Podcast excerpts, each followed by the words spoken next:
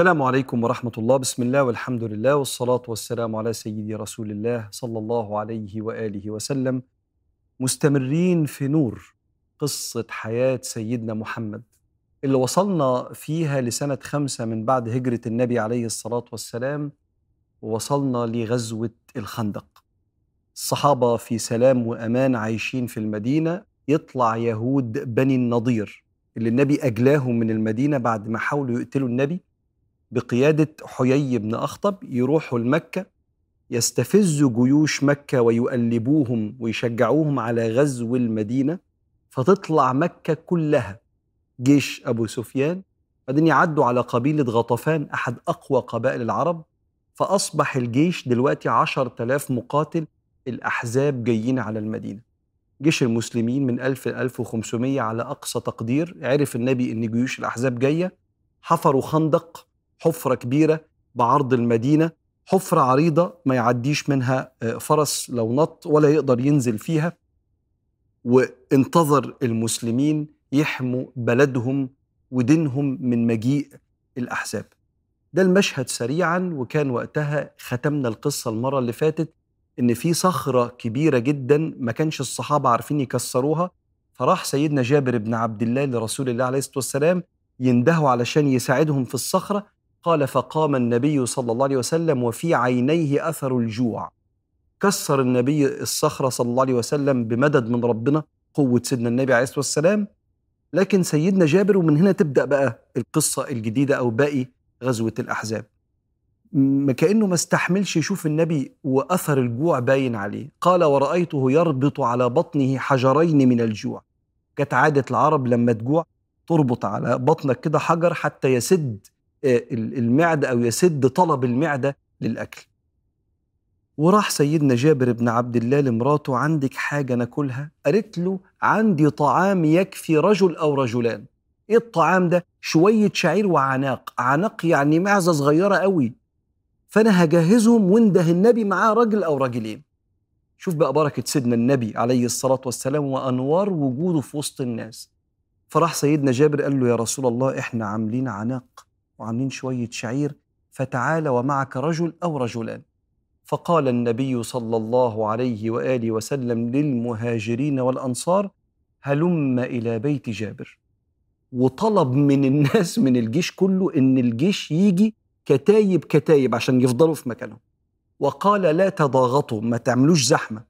وسيبوا البرمة اللي هي اعتبرها الحلة يعني سيبوا البرمة متغطية وأخذ النبي صلى الله عليه وسلم يطعم الأعداد عشرة عشرة عشرين عشرين. يحط إيديه على العناق من تحت كده البرمة ويطلع يأكل الناس. وخلق الله البركة. وخلق الله الوفرة. وخلق الله الكثرة اللي كلنا دقناها. لما ربنا يبارك في القرش فيكفي فيبارك في الصحة فالواحد ربنا يحميه من الأوجاع والأمراض ويبارك في العمر فتعمل إنجازات كتيرة. حصل وكلنا دقنا ده. بارك ربنا بمعجزة في إيد سيدنا النبي وأكل الجيش كله من المعزة الصغيرة وشوية الشعير. ولكن حصل مشهد في منتهى القسوة في المدينة. حيي بن أخطب رئيس يهود بني النضير اللي مع الأحزاب تسلل ودخل ليهود بني قريظة المسؤولين عن حماية جنوب المدينة. والمتبقيين من اليهود اللي ما خانوش النبي لا بني قينقاع ولا النضير الاثنين خانوا وطلعوا. بني قريظة موجودين. راح حيي بن أخطب يخبط على حصن كعب بن أسد القرظي. قرظي من بني قريظة. يخبط فتح لقاه مقفل في وشه الباب. أنا مش ناقصك. قعد يقول له جئتك بعز الدهر. أنا جايب لك بقى يا كعب اللي بيتكلم حيي بن أخطب. جئتك بعز الدهر. جئتك بقريش عن بكرة أبيها في بحر طام. جايب لك بحر هيغرق المدينة من الجنود من قريش يعني. وجئتك بغطفان سادتها وكبراءها وجيشها. فقال له كعب بن أسد والله لقد جئتني بذل الدهر مش عز الدهر. إني لم ارى من محمد إلا كل بر ووفاء. فقعد يضغط عليه ويلح عليه شيطان وقعد يفكروا بأيام يهود وانتصار يهود وإزاي إن سيدنا النبي ما طلعش منهم؟ فإحنا إزاي نتعاهد معاه وهو ما طلعش نبي مننا واخد مننا العزة واخد مننا قيادة الأمم. حتى أرغم وأقنع كعب بن أسد القرظي إن هو يخون عهد النبي فبدأ كعب ابن أسد القرظي يجهز, يجهز الجيش من بني قريظة للخيانة العظمى. خد بالك لما يجي جيش من بره على المدينة بيصبح كل أهل المدينة جيش واحد المسلمين والمشركين واليهود. اللي عايشين في المدينة بموجب الصحيفة اللي القوي صلى الله عليه وسلم اللي عنده الغلبة والمنعة لما دخل والإسلام سيطر على المدينة كتب الصحيفة دي عشان الكل يعيش في سلام رغم قوته وقدرته على طرد كل غير المسلمين. لكن دي لا هي عقيدة النبي ولا أخلاق النبي. نعيش مع بعض نحمي بعض وناكل من خير البلد كلنا مع بعض. هتبدأ الخيانة العظمى بجيش بني قريظة اللي المفروض يأمن ده هو اللي هيهجم بعد شوية على الصحابة من جنوب المدينة. عقيدة المؤمنين بقدرة ربنا إن ربنا بيقدر يخلق النفع الكبير في المخلوقات الصغيرة. يعني المعزة الصغيرة اللي أكلت الجيش ده كله ربنا يقدر يعمل كده. وده اسمه البركة. البركة هو الانتفاع. الانتفاع بأشياء بسيطة جدا بنفع أكبر مما تتوقع. يخلقها ربنا في الكلمة فتقول كلمة تبقى سبب في هداية أجيال. كلمة واحدة. قرش يكفي يبقى أسرة بتاخد نفس المرتب ده وأسرة تانية يمكن عددهم أكبر هنا مكفي بالبركة من ربنا. أقول لك على حاجة إحنا بنعرف على حتة فلاشة قد كده؟ نعرف نحط عليها سنين من عمرنا متصورة. فاحنا عرفنا نجمع حاجات كتير قوي في حاجة صغيرة جدا جدا جدا. البشر عرفوا يعملوا كده. فما تستغربش إن العناق وشوية الشعير عناق المعزة الصغير شوية الشعير يكفوا الجيش ده كله بكن فيكون لأن الله عقيدتنا كده. يخلق الشفاء في الدواء ويخلق الارتواء في الماء ويخلق الشبع في الطعام. فمش بالكمية بالإذن والخلق من الله. عقيدة المسلمين كده. عشان كده يبقى ادعي بالبركة. ادعي البركة في الصحة والرزق والعمر والحب وكل حاجة. وتربيتك للعيال ومذاكرتك ادعي بالبركة. حاجة التانية اللي عملوا يهود بني قريظة في فتح المدينة من ناحية بيوتهم كلمة خيانة دي أقل من اللي يستحقون إحنا في وسط حرب وجيشنا ممكن يبقى عشر جيش المشركين المعتدين. وجيش اليهود هو جزء من جيش المدينة مع المسلمين بحكم المعاهدة اللي النبي عملها وهو له القوة كان ممكن يطردهم لكن عشنا مع بعض في سلام. فاللي عملوه ده كبير قوي قوي قوي ولولا ستر ربنا سبحانه وتعالى كان ممكن يحصل اجتياح وإبادة لكل روح مؤمنة بربنا سبحانه وتعالى. لكن والله من ورائهم محيط.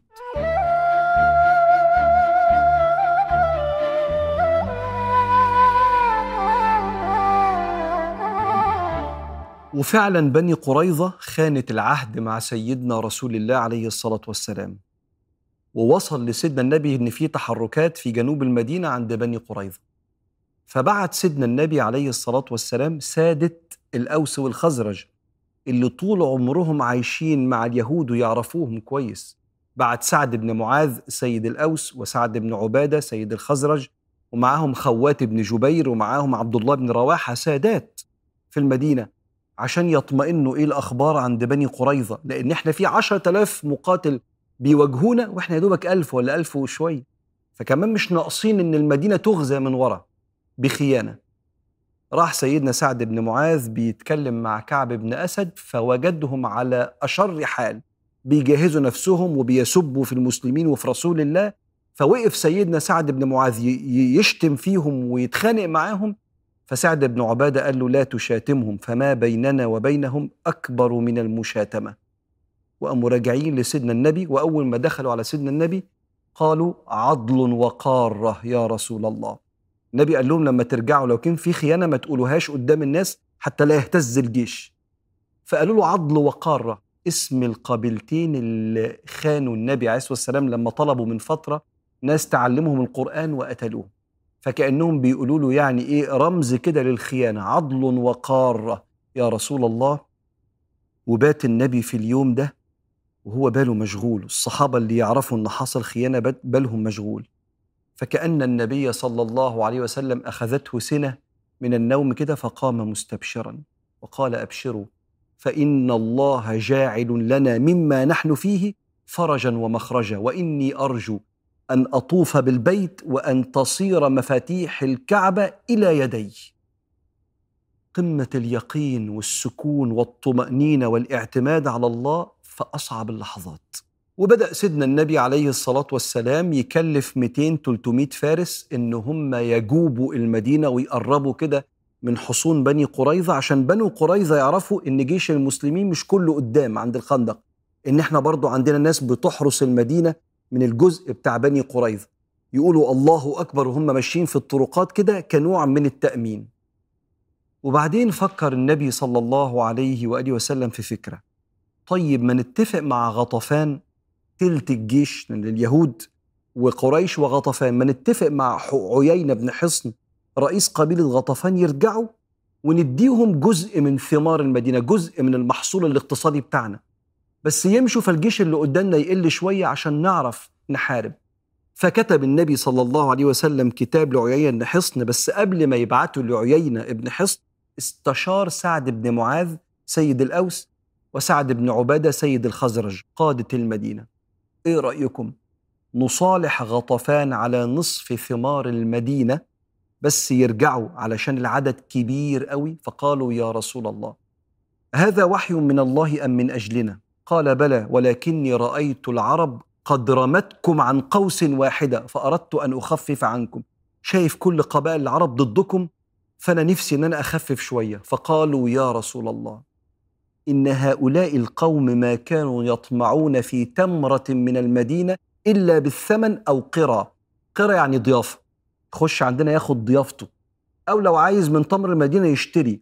أفبعد أن أكرمنا الله بالإسلام. نعطيها بلا ثمن والله لا يكون يا رسول الله. فقطع النبي صلى الله عليه وسلم الجواب أو المعاهدة اللي كان عايز يعاهد بيها آه، عيينة بن حصن رئيس غطفان وتغيرت الفكرة. وبدأ يحصل مناوشات. مناوشات سهام تنطلق من المشركين دول عشر أضعافنا ورماح تتضرب وهتبدأ تبقى فيه إصابات بتعدي بسبب اللي بيترمي ده من فوق الخندق على المسلمين وينزل القرآن. إذ جاءوكم من فوقكم ومن أسفل منكم وإذ زاغت الأبصار وبلغت القلوب الحناجر وتظنون بالله الظنون. هنالك ابتلي المؤمنون وزلزلوا زلزالا شديدا. تفسير الآية إن الجيش كان كبير جدا. تحس إنه جاي من كل حتة من فوقكم ومن أسفل منكم وإذ زاغت الأبصار أنت مش عارف تركز عيونك في حتة واحدة من كتر الجيش اللي ضدك. وبلغت القلوب الحناجر الأنفاس بقت صعبة. وتظنون بالله الظنون. المؤمنين يظنوا أن ربنا هينصرهم. والمنافقين بيقولوا ما وعدنا الله ورسوله إلا غرورا. وده كان اختبار كبير جدا بين الثابت اللي كتفه في كتف النبي والمتخاذل اللي بيهرب وقت الجد. عارف قد إيه النبي بيربي رجالة حواليه يثقوا في رأيهم وفي عقلهم وفي تفكيرهم. لما قبل ما يتصالح مع غطفان عيينة بن حصن ويديله نصف ثمار المدينة على أنه يرجع بجيشه ما هو النبي عليه الصلاة والسلام شايف المسلمين متجمع عليهم عشرة آلاف مقاتل ثلاث تتلات قريش وغطفان واليهود. قبائل تانية صغيرة بس دول أكبر قبائل. لما يحاول يتفق مع غطفان والحصار شديد وبقاله أسابيع النبي بيعمل حاجة في صالح الناس. كانوا بيربي رجالة تعالى يا سعد بن معاذ تعالى يا سعد بن عبادة إيه رأيكم نعمل الكلام ده؟ الأول روحوا اطمنوا. هم فعلا يهود غدروا؟ فلما رجعوا وقالوا لسيدنا النبي عضل وقارة يعني الإشارة. أيوه غدروا. على قد ما النبي عليه الصلاة والسلام زعل من ال ال ال الخيانة على قد ما استبشر بنصرة ربنا. لأن لأن لما البني آدم يسيبني وأنا على حق ربنا ينصرني. فاستبشر عليه الصلاة والسلام. لكن ما ياخدش خطوة لما يست... يستشير الرجالة. يستشير الرجالة علشان يعرفهم إن في أحلك الظروف ممكن آخد أمر بالوحي من ربنا بس أنا الوحي اللي خدته والأمر من ربنا استشير الرجالة. شوف رأيهم عامل إزاي. عشان بعد ما يسيبهم وينتقل للرفيق الأعلى يطلع عندهم تواضع مع بعض. ولما يجوا ياخدوا خطوات كبيرة في حياتهم في بيوتهم ومع حبايبهم وفي أشغالهم إحنا إحنا مع بعض لأن يد الله فوق أيديهم. يد الله مع الجماعة زي ما سيدنا النبي قال عليه الصلاة والسلام. وده بيفهمك قد إيه الراجل اللي عنده قيادة والست اللي عندها قيادة من علامات صفات القيادة إنك تكبر الناس اللي حواليك. ده كان سيدنا النبي عليه الصلاة والسلام.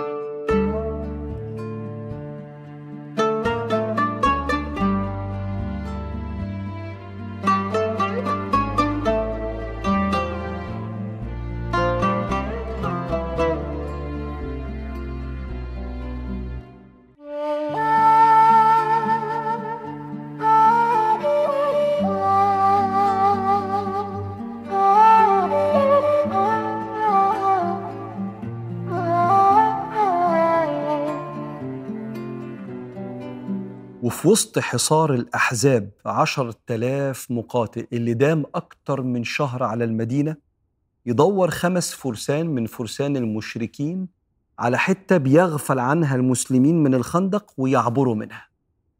ويعدي من الخندق خمسة منهم عكرمة بن أبي جهل وبعض المشركين ومنهم مقاتل اسمه عمرو بن ود أو عمرو بن عبد ود. عمرو بن عبد ود ده كان راجل كبير جدا في السن كان مقاتل شرس جدا ومعروف جدا إن مفيش حد بيقف قدامه. فعبر وقام قايل بيت شعر ولقد بححت من النداء على جمعهم. هل من مبارز؟ يعني صوت اتنبح مفيش راجل يطلع لي؟ فقال سيدنا علي بن أبي طالب يا رسول الله دعني أقوم له. فقال النبي قم لكن اداله سيفه واداله العمامة بتاعته ودعاله. فقام علي بن أبي طالب كما في رواية السيرة فاختلف بالسيوف لغاية ما سقطوا هما الاثنين وقعوا في الخندق. وعلى الغبار وفي وسط علو الغبار والمسلمين خايفين على سيدنا علي لأن عمرو بن عبد ود ده شرس جدا. سمعوا تكبير علي الله أكبر! فعرفوا إن هو قتل عمرو بن ود وطلع سيدنا علي فعلا وربنا نجاه. لكن من المشاهد الصعبة اللي كانت موجودة مشهد إصابة سيدنا سعد بن معاذ سيد الأوس. سعد بن معاذ السيدة عائشة بتقول سمعت أمه وهي بتقول له يلا بسرعة عشان النبي محتاجك. فلبس الدرع بتاعه ولبس درع غير سابغة. الدرع سديري كده حديد بيتلبس بس يبدو إنه كان لابس السديري ده وما كانش السديري ده يعني كان في حتة واسعة فكأن كان في جزء من جسمه باين يعني. قالت فخشيت عليه. السيدة عائشة شافته كده فخافت عليه. ألا يصيبه من ضرب النبل اللي بيترمي وده اللي حصل. وسط ما سيدنا سعد واقف بيدافع عن الخندق اللي بيرمي طوبة واللي بيرمي رمح من الناحية التانية واللي بيرمي سهم على المسلمين جاءه سهم فأصاب أكحله عرق ولكن بيعمل نزيف في الدراع. ففضل ينزف سيدنا سعد بن معاذ حاولوا يعالجوه والنزيف كان شديد جدا. فأخذوه بوصية سيدنا محمد عليه الصلاة والسلام لخيمة السيدة رفيدة وكانت طبيبة أو ممرضة بتمرض الجرحى. وكان سيدنا النبي يعدي عليه الصبح والليل كيف أصبحت يا سعد؟ كيف أمسيت يا سعد؟ وسيدنا سعد بن معاذ كان بيدعي كان يقول اللهم إن كنت أبقيت من أمر قريش شيئا فأبقني لو لسه الحرب ما انتهتش أبقني. وإن كنت قضيت على قريش فاللهم الشهادة ولكن لا تمتني حتى تقر عيني من بني قريظة. يا رب ما تاخدنيش شهيد عندك إلا لما أشوف إيه اللي هيحصل مع اللي خانونا بني قريظة. ويزداد على سيدنا سعد بن معاذ النزيف وكل يوم يعدي النبي يطمن عليه وتسير المعركة. ويحصل موقف. في شيء من البساطة والجمال ويبين لك قرب النبي عليه الصلاة والسلام من الصحابة. إن في يوم من الأيام فضل الهجوم بالسهام والحراب والحجارة من وراء إيه الخندق على المسلمين طول اليوم. وكانت الحرب بتنتهي لما الشمس بتغرب لأن لو ما فيش قمر مكتمل محدش يبقى شايف حاجة في الصحراء السوداء يعني الليل المظلم. فسيدنا عمر بن الخطاب صلى العصر قبل المغرب بدقايق. وجه سيدنا النبي عليه الصلاة والسلام بعد المغرب يقول له يا رسول الله لعن الله المشركين. والله ما صليت العصر إلا قبل أن تغرب الشمس. فقال صلى الله عليه وسلم أما أنا فما صليتها. سيدنا النبي فاتته في الحرب صلاة العصر. ليه؟ لأنه بيحارب مش عارف يود ظهره يجي فيه آه، سهم قاتل أو حرب قاتلة. وبعدين هو أصلا إحنا عشر الجيش. فلو سبت مكان يتفتح ثغر في الجيش إحنا أصلا عددنا قليل جدا. وأنا واقف جنب أصحابي كتفنا في كتف بعض بنحمي المدينة. ففضلوا يحاربوا النبي. يمكن سيدنا عمر المكان اللي فيه قدر إنه يعرف يصلي العصر في دقايق النبي ملحقش لكن خدت بالك والنبي عليه الصلاة والسلام بيقول أما أنا فما صليتها بمنتهى الوضوح. الصدق. ويعلمنا النبي عليه الصلاة والسلام طبيعة الحياة اللي ممكن يحصل فيها أزمة تخلي سيدنا النبي عليه الصلاة والسلام يفوت فرض في وسط الحرب عشان يعلم المسلمين يحصل يعني هيعمل إيه لو حصل حاجة زي كده. فقال سيدنا عمر فقام النبي صلى الله عليه وآله وسلم فتوضأ فصلى العصر ثم صلى المغرب بعدها. أنا بنبهر بالبساطة اللي سيدنا رسول الله عليه الصلاة والسلام بيعلمنا نتعامل بيها. سيدنا عمر صلى العصر قبل المغرب بدقايق ودي مش عادتهم ده بيصلوا أول ما يسمعوا الأذان. فرايح يقول يا رسول الله شفت؟ لعن الله المشركين ملأ الله قبورهم وبيوتهم نارا بيدعي عليهم. يحاربوه عايزين يموتوهم. مش قادر يمسك نفسه. وكمان في وسط الحرب مش عارف أقول يا رب مش عارف أصلي لو اديت ظهري هتضرب بسهم. ده على بعد 3 4 متر مننا. والله ما صليت العصر إلا قبل أن تغرب الشمس. أي حد ممكن كان يبقى مكان النبي عليه الصلاة والسلام يقول له لا حول ولا قوة إلا بالله خلاص روح صلي. وهو نفسه ما صلاش. النبي كان في حتة القتال فيها مشتد جدا لدرجة إن المغرب أدن غربت الشمس وما صلاش العصر. أيوه ما هو النبي عليه الصلاة والسلام قدوة لرب البيت وربة المنزل والشاب الصغير والجد. وقدوه للمقاتل اللي في أرض المعركة اللي مش عارف يعمل كده لأنه لو التفت هيتقتل. فممكن تعدي عليه الصلوات غصب عنه. فالنبي عليه الصلاة والسلام بيقول أما أنا فما صليتها. يا نهار أبيض! بساطة ووضوح وبيربينا إن إحنا ما ندعيش. أنا واحد بيقول أنا فوتت الفرض ده بدل ما أقول له استغفر الله العظيم أنا ما صليتش أصلا. يلا قوم صلي بقى وربنا يسامحك. الدعاء الصادق بيشارك. أما أنا فوالله ما صليتها. فقام النبي صلى الله عليه وسلم يعلمنا بقى طب نصلي المغرب ولا العصر الأول؟ فصلى العصر ثم صلى المغرب بعدها صلى الله عليه وسلم. وضوح رهيب. النور الثاني اللي في قصة الخندق لما اتصاب سيدنا سعد بن معاذ مين اللي حافظ له على حياته؟ امرأة ستنا رفيدة. الكلام ده حقيقة يا جماعة؟ مش كلام بنطيب بيه خواطر النساء. سيدنا النبي عليه الصلاة والسلام في قصة حياته في كل موقف هتلاقي امرأة. بتحارب مرة بتساعد مرة بتربي مرة بتنصح مرة بتحتوي بتحتوي النبي عليه الصلاة والسلام وهو بيقول لها لقد خشيت على نفسي يا خديجة. بيستشيرها أعمل إيه أم سلمة في صلح الحديبية؟ بص عشان بس كل ما تهجم بس فكرة كده الستات ملهاش دور في السيرة ولا الإسلام جاي على الستات ده كلام سطحي يا جماعة.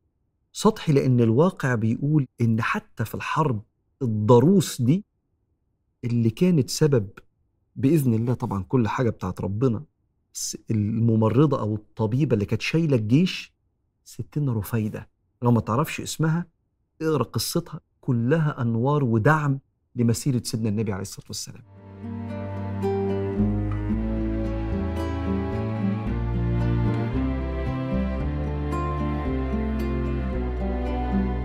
ويحصل مشهد في قمة البطولة من ستنا صفية بنت عبد المطلب عمة النبي وأم الزبير بن العوام. اللي حصل إن السيدة صفية كانت في بيوت المسلمين القريبة لحصون بني قريظة. والمسلمين مشغولين عند الخندق بصد العدوان على البلد. وبعدين شافت السيدة صفية أحد يهود بني قريظة بيطوف ببيوت المسلمين وكأنه بيتجسس. فراحت لسيدنا حسان بن ثابت وما كانش في الجيش كان مع النساء ورا. قالت له يا حسان ألم تر إلى هذا اليهودي يطيف ببيوتنا؟ إني أخشى أن يدل علينا يهود. لحسن يكون بيتجسس ويكشف عوراتنا لليهود يقول لهم أسرار المكان شكلهم هيهجموا.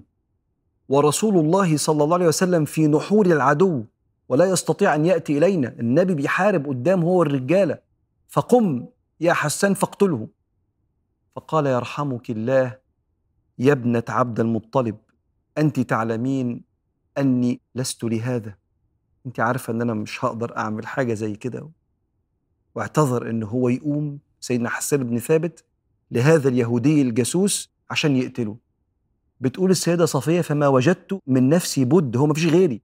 قالت فأتيت على عمود ثم كمنت له من ظهره قامت ضرباه على راسه وقع قعدت تضربه لغاية ما مات اليهودي اللي كان بيتجسس على بيوت المسلمين بعد أن نقضوا العهد وخانوا العهد.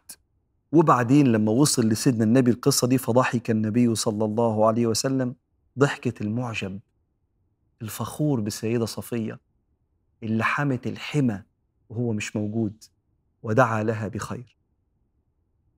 ثم النبي عليه الصلاة والسلام في وسط الحرب دي بيحكي رواة السيرة ابن هشام وابن إسحاق بيقول فبعد ما خلص يوم الحرب ده دخل النبي صلى الله عليه وسلم إلى عريشه إلى الخيمة بتاعته ورفع إيديه للسماء. يا رب انجدنا. دعا دعوتين النبي عليه الصلاة والسلام. احفظهم وخليهم دعائك لما تهجع تهجم عليك جيوش الهموم. إذا كنت عايش في الأمان الحمد لله ومفيش حروب في بلادنا بس الحياة كلها معارك. فرفع إيديه وقال اللهم منزل الكتاب ومجري السحاب اهزم الأحزاب اللهم زلزلهم. ورفع النبي صلى الله عليه وسلم إيديه وقال اللهم استر عوراتنا وآمن روعاتنا واحفظنا من بين أيدينا ومن خلفنا وعن أيماننا وعن شمائلنا ومن فوقنا ونعوذ بعظمتك أن نغتال من تحتنا. بيقول أحد الصحابة فظل النبي صلى الله عليه وآله وسلم يدعو بهذا الدعاء ثلاثة أيام حتى استجاب الله لنا وكشف عنا غمة الأحزاب.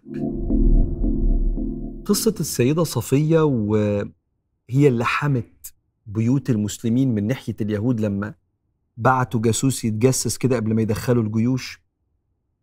بتفكرني لأن سيدنا حسان بن ثابت كان سنه كبر وضعف. لا مش هقدر أخش في المواجهة دي. فكرني بكل ست قدر ربنا فرض عليها تبقى الست والراجل في بيتها. وتقوم بما يقوم به الرجال لأن مفيش راجل. إما مفيش راجل بالاتفاق لأن جوزها مثلا مسافر عشان لقمة العيش فهي في البيت الست والراجل بنفس طيبة. وإما جوزها توفي إحنا عندنا 12 مليون مرأة عاملة بتعول البيت البيوت في مصر اللي بتصرف اللي بتشتغل. أو جوزها توفي أو جوزها مكسل أو جوزها طلقها ورمالها العيال ومش عايز يصرف ومش عايز يتواجد عشان عنده حاجات في حياته تانية بيعملها. فتضطر تكون هي الأب والأم فتدي الطاقة الأنثوية بتاعت الاحتواء والحنية ومذاكرة تدي الطاقة الذكورية بتاعت الوقفة والتنبيه وساعات عقاب معين بشكل معين مش طبيعة شخصيتها بس خايفة إن العيال تفتقد الطاقة الذكورية اللي في البيت. فبتلاقي شخصيتها عمالة تتحول ما بين الأنثى وما بين الأب ما بين الأم الحنينة وما بين الأب عشان هي هتعمل إيه؟ ما هو مش موجود سواء بالاتفاق أو غصب عنها بالإرغام. وسبحان الله في مقامات العباد يوم القيامة. أنت ما تعرفش لما سيدنا النبي قال إني أول من أحرك حلق الجنة أول واحد تخش الجنة. فأرى امرأة تزاحمني بأكتافها تخش مع النبي الجنة بأكتافها فأقول من أنت وما لك؟ تقول أنا أرملة قعدت على أيتام لي. جوزي انتقل مات وأنا قمت بدور الرجل والست. يا نهار أبيض داخلة مع النبي تزاحمه بأكتافها. إيه ده؟ إيه ده؟ وعلى فكرة برضه العكس. بس دي أقل شوية إن الراجل يقوم بدور الراجل والست لما الست تسيب له العيال وتروح بقى تشوف حياتها لما يتطلقوا ولا ايا كان. صعبة. بس توديك يوم القيامة ميزانك مضاعف وأنت عايش في عين ربنا كبير كبير وفي عين سيدنا النبي عليه الصلاة والسلام. يا أيها الذين آمنوا اذكروا نعمة الله عليكم. إذ جاءتكم جنود فأرسلنا عليهم ريحا وجنودا لم تروها وكان الله بما تعملون بصيرا. إذ جاءوكم من فوقكم ومن أسفل منكم واذ زاغت الابصار وبلغت القلوب الحناجر وتظنون بالله الظنونا هنالك ابتلي المؤمنون وزلزلوا زلزالا شديدا واذ يقول المنافقون والذين في قلوبهم مرض ما وعدنا الله ورسوله الا غرورا واذ قالت طائفه منهم يا أهل يثرب لا مقام لكم فارجعوا ويستاذن فريق منهم النبي يقولون ان بيوتنا عوره وما هي بعوره ان يريدون الا فرارا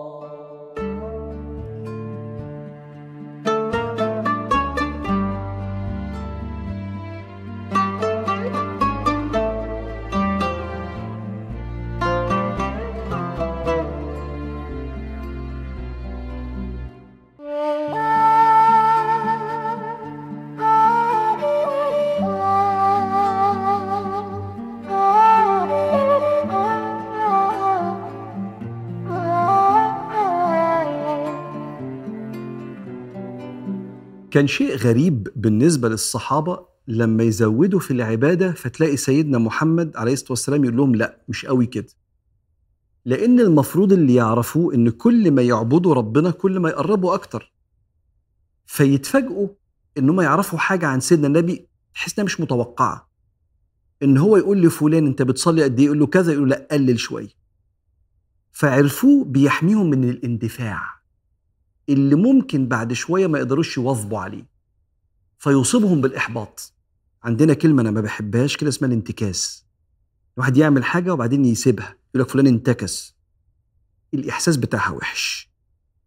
وتشعر كده إن كده ربنا إيه ما قبلكش فردك. فكنت بتصلي مثلا مثلا يعني 100 ركعة فبقيت تصلي 20 يا نهار أبيض! 20 ده أنت أصلا إمام اللي بيصلي كده كل يوم يعني. فالمية هي اللي كانت كتير. فكان النبي يقول له لا مش قوي كده. عشان لما تصلي على قد ما تقدر لما نشاطك يقل أو تتشغل فيقل لمقدار أنت أصلا عابد قريب. ما تسيئش الظن بنفسك أو تسيء الظن إن ربنا مش عايزك فردك فقلل عبادتك يخش صلى الله عليه وسلم على السيدة عائشة وواحدة صاحبتها معاها فتقول له يا رسول الله هذه فلانة التي لا تنام بالليل. كأنه كلام هيعجب النبي. قال مه. ليه كده؟ لا مه. اكلفوا من العمل ما تطيقون فإن الله لا يمل حتى تملوا. يعني إيه ما بتنامش؟ ربنا خلقنا بننام. ده أنت لازم تنامي وتاخدي القسط الوافر من النوم. وكان النبي يقول للصحابة ليس التفريط في النوم يعني نام براحتك. لكن التفريط في اليقظة.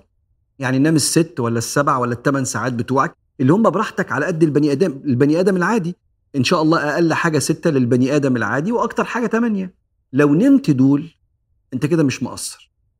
بس لما تصحى ال 16 ساعة بقى ولا ال 18 ساعة ما تاثرش فيهم. تشتغل بجد وتذاكر بجد وتخدم على الخلق بجد.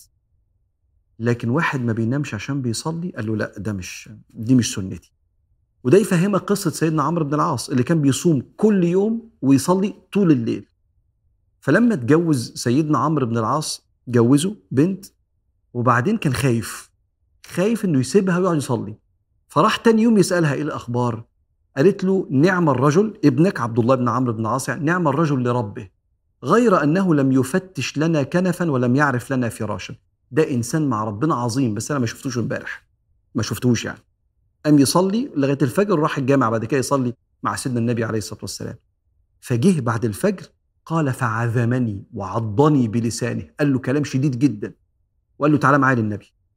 راح اشتكى للنبي. سيدنا النبي عليه الصلاة والسلام قال أخبرت يعني حد قال لي أنك تختم القرآن كل يوم في الصلاة وبتصوم كل يوم. قال نعم يا رسول الله.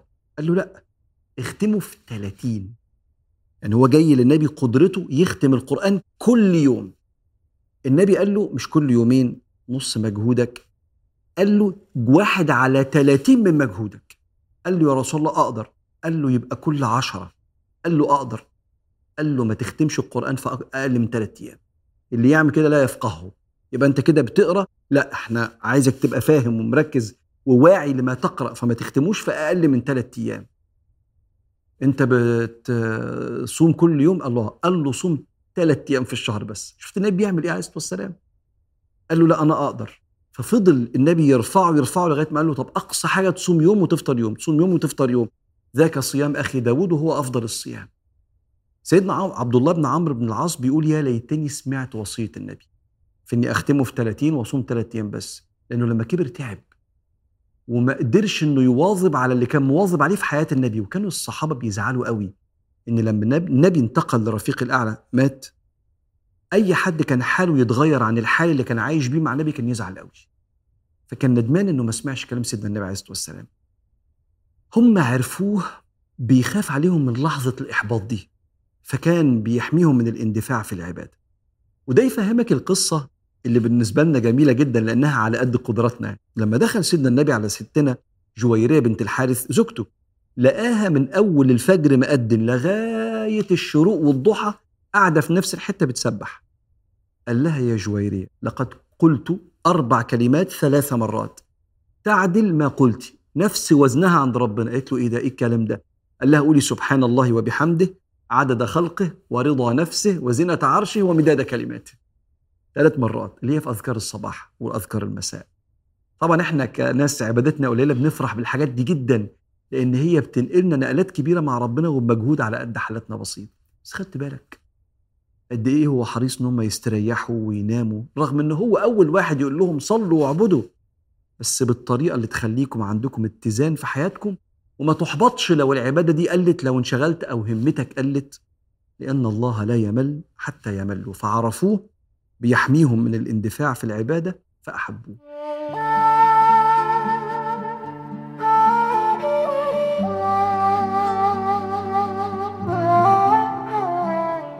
المشي هو سلوك إنساني الكل بيعمله. وما دام الإنسان اتفق على سلوك معين زي الكلام وزي المشي وزي النوم وزي دخول الخلاء يبقى دي حاجة للنبي فيها سنة. لأنك ما دام أنت بتمشي كتير في حياتك يبقى أنت ده جزء من علاقتك بربنا لأن إحنا عباد. ما بنخرجش عن وصف العبودية في كل أحوالنا في حياتنا وكل تصرفاتنا. وبعدين المشي ده ربنا اتكلم عنه في القرآن. لما ربنا اتكلم عن سيدنا لقمان وسمى صورة باسمه. محور الصورة دي أب قاعد مع ابنه بيوصيه. وربنا يحفظ لنا الوصايا دي تتلى في القرآن إلى يوم القيامة. وإذ قال لقمان لابنه وهو يعظه وقعد يقول له شوية وصايا. ختام الوصايا واقصد في مشيك. واغضض من صوتك إن أنكر الأصوات لصوت الحمير. إيه ده ده في حاجة اسمها القصد. القصد يعني الاعتدال. امشي صح امشي عدل. هو امشي عدل وصح دي النبي علمها لنا صلى الله عليه وسلم في آدابه النبوية والسنن اللي ساعات بننساها في سنن المشي. هم أربع سنن. أول سنة وأنت ماشي كده ابقى افتكر واستحضر سيدنا محمد تؤجر في كل خطوة إنك بتحاول تمشي زي ما وصاك. أول حاجة التواضع في المشي. الأصل إن القلب لما بيكون فيه صفة بتبان على الجسم فأنت لو متواضع هتمشي بتواضع. لكن ساعات بتتعمل بالعكس إنك أنت عشان تربي قلبك على صفة بتعملها بجسمك. فمثلا بتسكن بجسمك كده عشان تعلم قلبك السكون. تمشي بتواضع عشان تعلم قلبك التواضع. عشان كده النبي عليه الصلاة والسلام كلمنا عن حديث قدسي في نهي عن المشي بكبر. مرة صلى الله عليه وسلم طلع لعاب من إيديه كده وحط صباعه عليه. وقال يقول الله أن تعجزني يا ابن آدم. هتروح مني فين؟ وقد خلقتك من مثل هذه. أصل الإنسان شوية مية. وقد خلقتك من مثل هذه. حتى إذا قوي ظهرك واشتد عضدك وجمعت ومنعت ومشيت بين بردين لك وللأرض منك وإيد حتى إذا بلغت الحلقوم. قلت أتصدق؟ وأن لك اوان الصدقة. ربنا في الحديث ده بيكلمنا عن عيشة بني آدم غلط. بيقول له أنت هتروح مني فين وأنت متكبر كده؟ أنت مخلوق من شوية مية. حتى إذا قوي ظهرك عشان ظهرك اتفرد وبقيت شوية عضلات واشتد عضدك جمعت ومنعت. بقى عندك فلوس مش عايز تتصدق. ومشيت بين بردين لك. آه ده الموضوع بقى. لابس لبسه كده وللأرض منك وإيد شايف نفسك على الناس. ماشي بكبر. يمكن عربيتك حلوة ولا لبسك غالي ولا من عيلة؟ فالنبي ذم الموضع ده إن الإنسان يمشي كده ويقول آه يا أرض تهدي ما عليكي قدي لا ما فيش حاجة اسمها ما عليكي قدي في مننا كتير وأصلح منا وأقرب إلى الله وأنفع في الدنيا كمان. فالإنسان يمشي بتواضع ولا تمشي في الأرض مرحا. إنك لن تخرق الأرض ولن تبلغ الجبال طولا. غلابة. فمن الآداب النبوية والسنن المشي بتواضع. الأدب الثاني كنت كلمتك عنه في لما كنت بكلمك عن حركات جسد النبي عليه الصلاة والسلام هو المشي بجديه وكان النبي صلى الله عليه وسلم إذا مشى كأنما ينحط من صبب يعني كأنه نازل منزل فجسمه متماسك. منجمع الجسد كما يقول الصحابة ليس فيه كسل.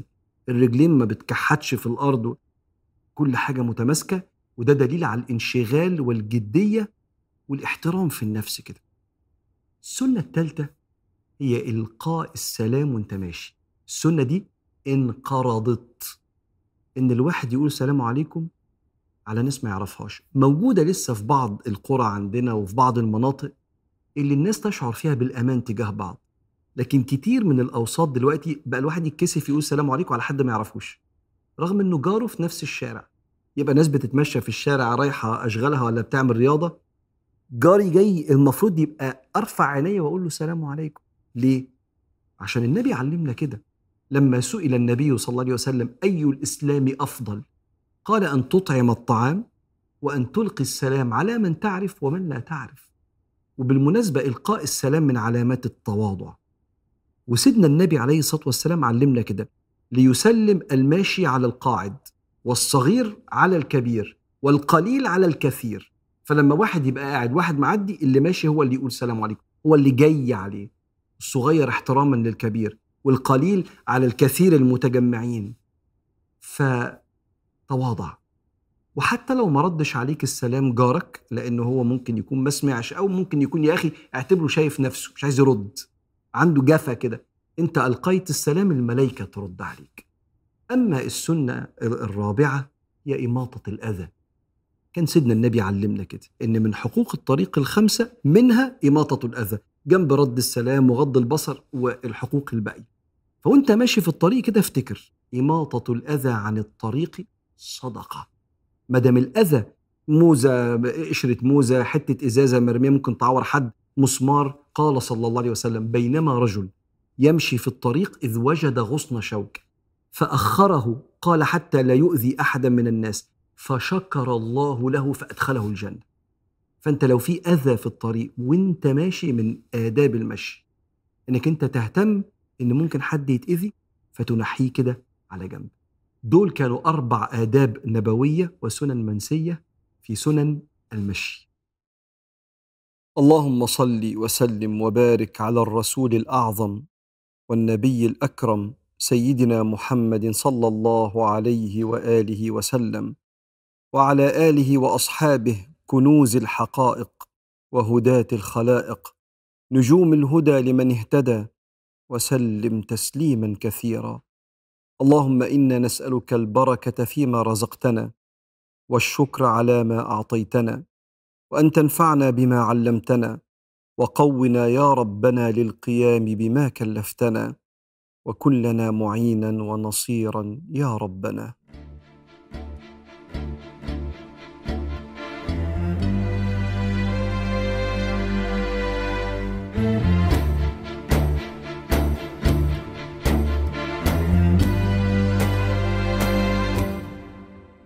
Lord.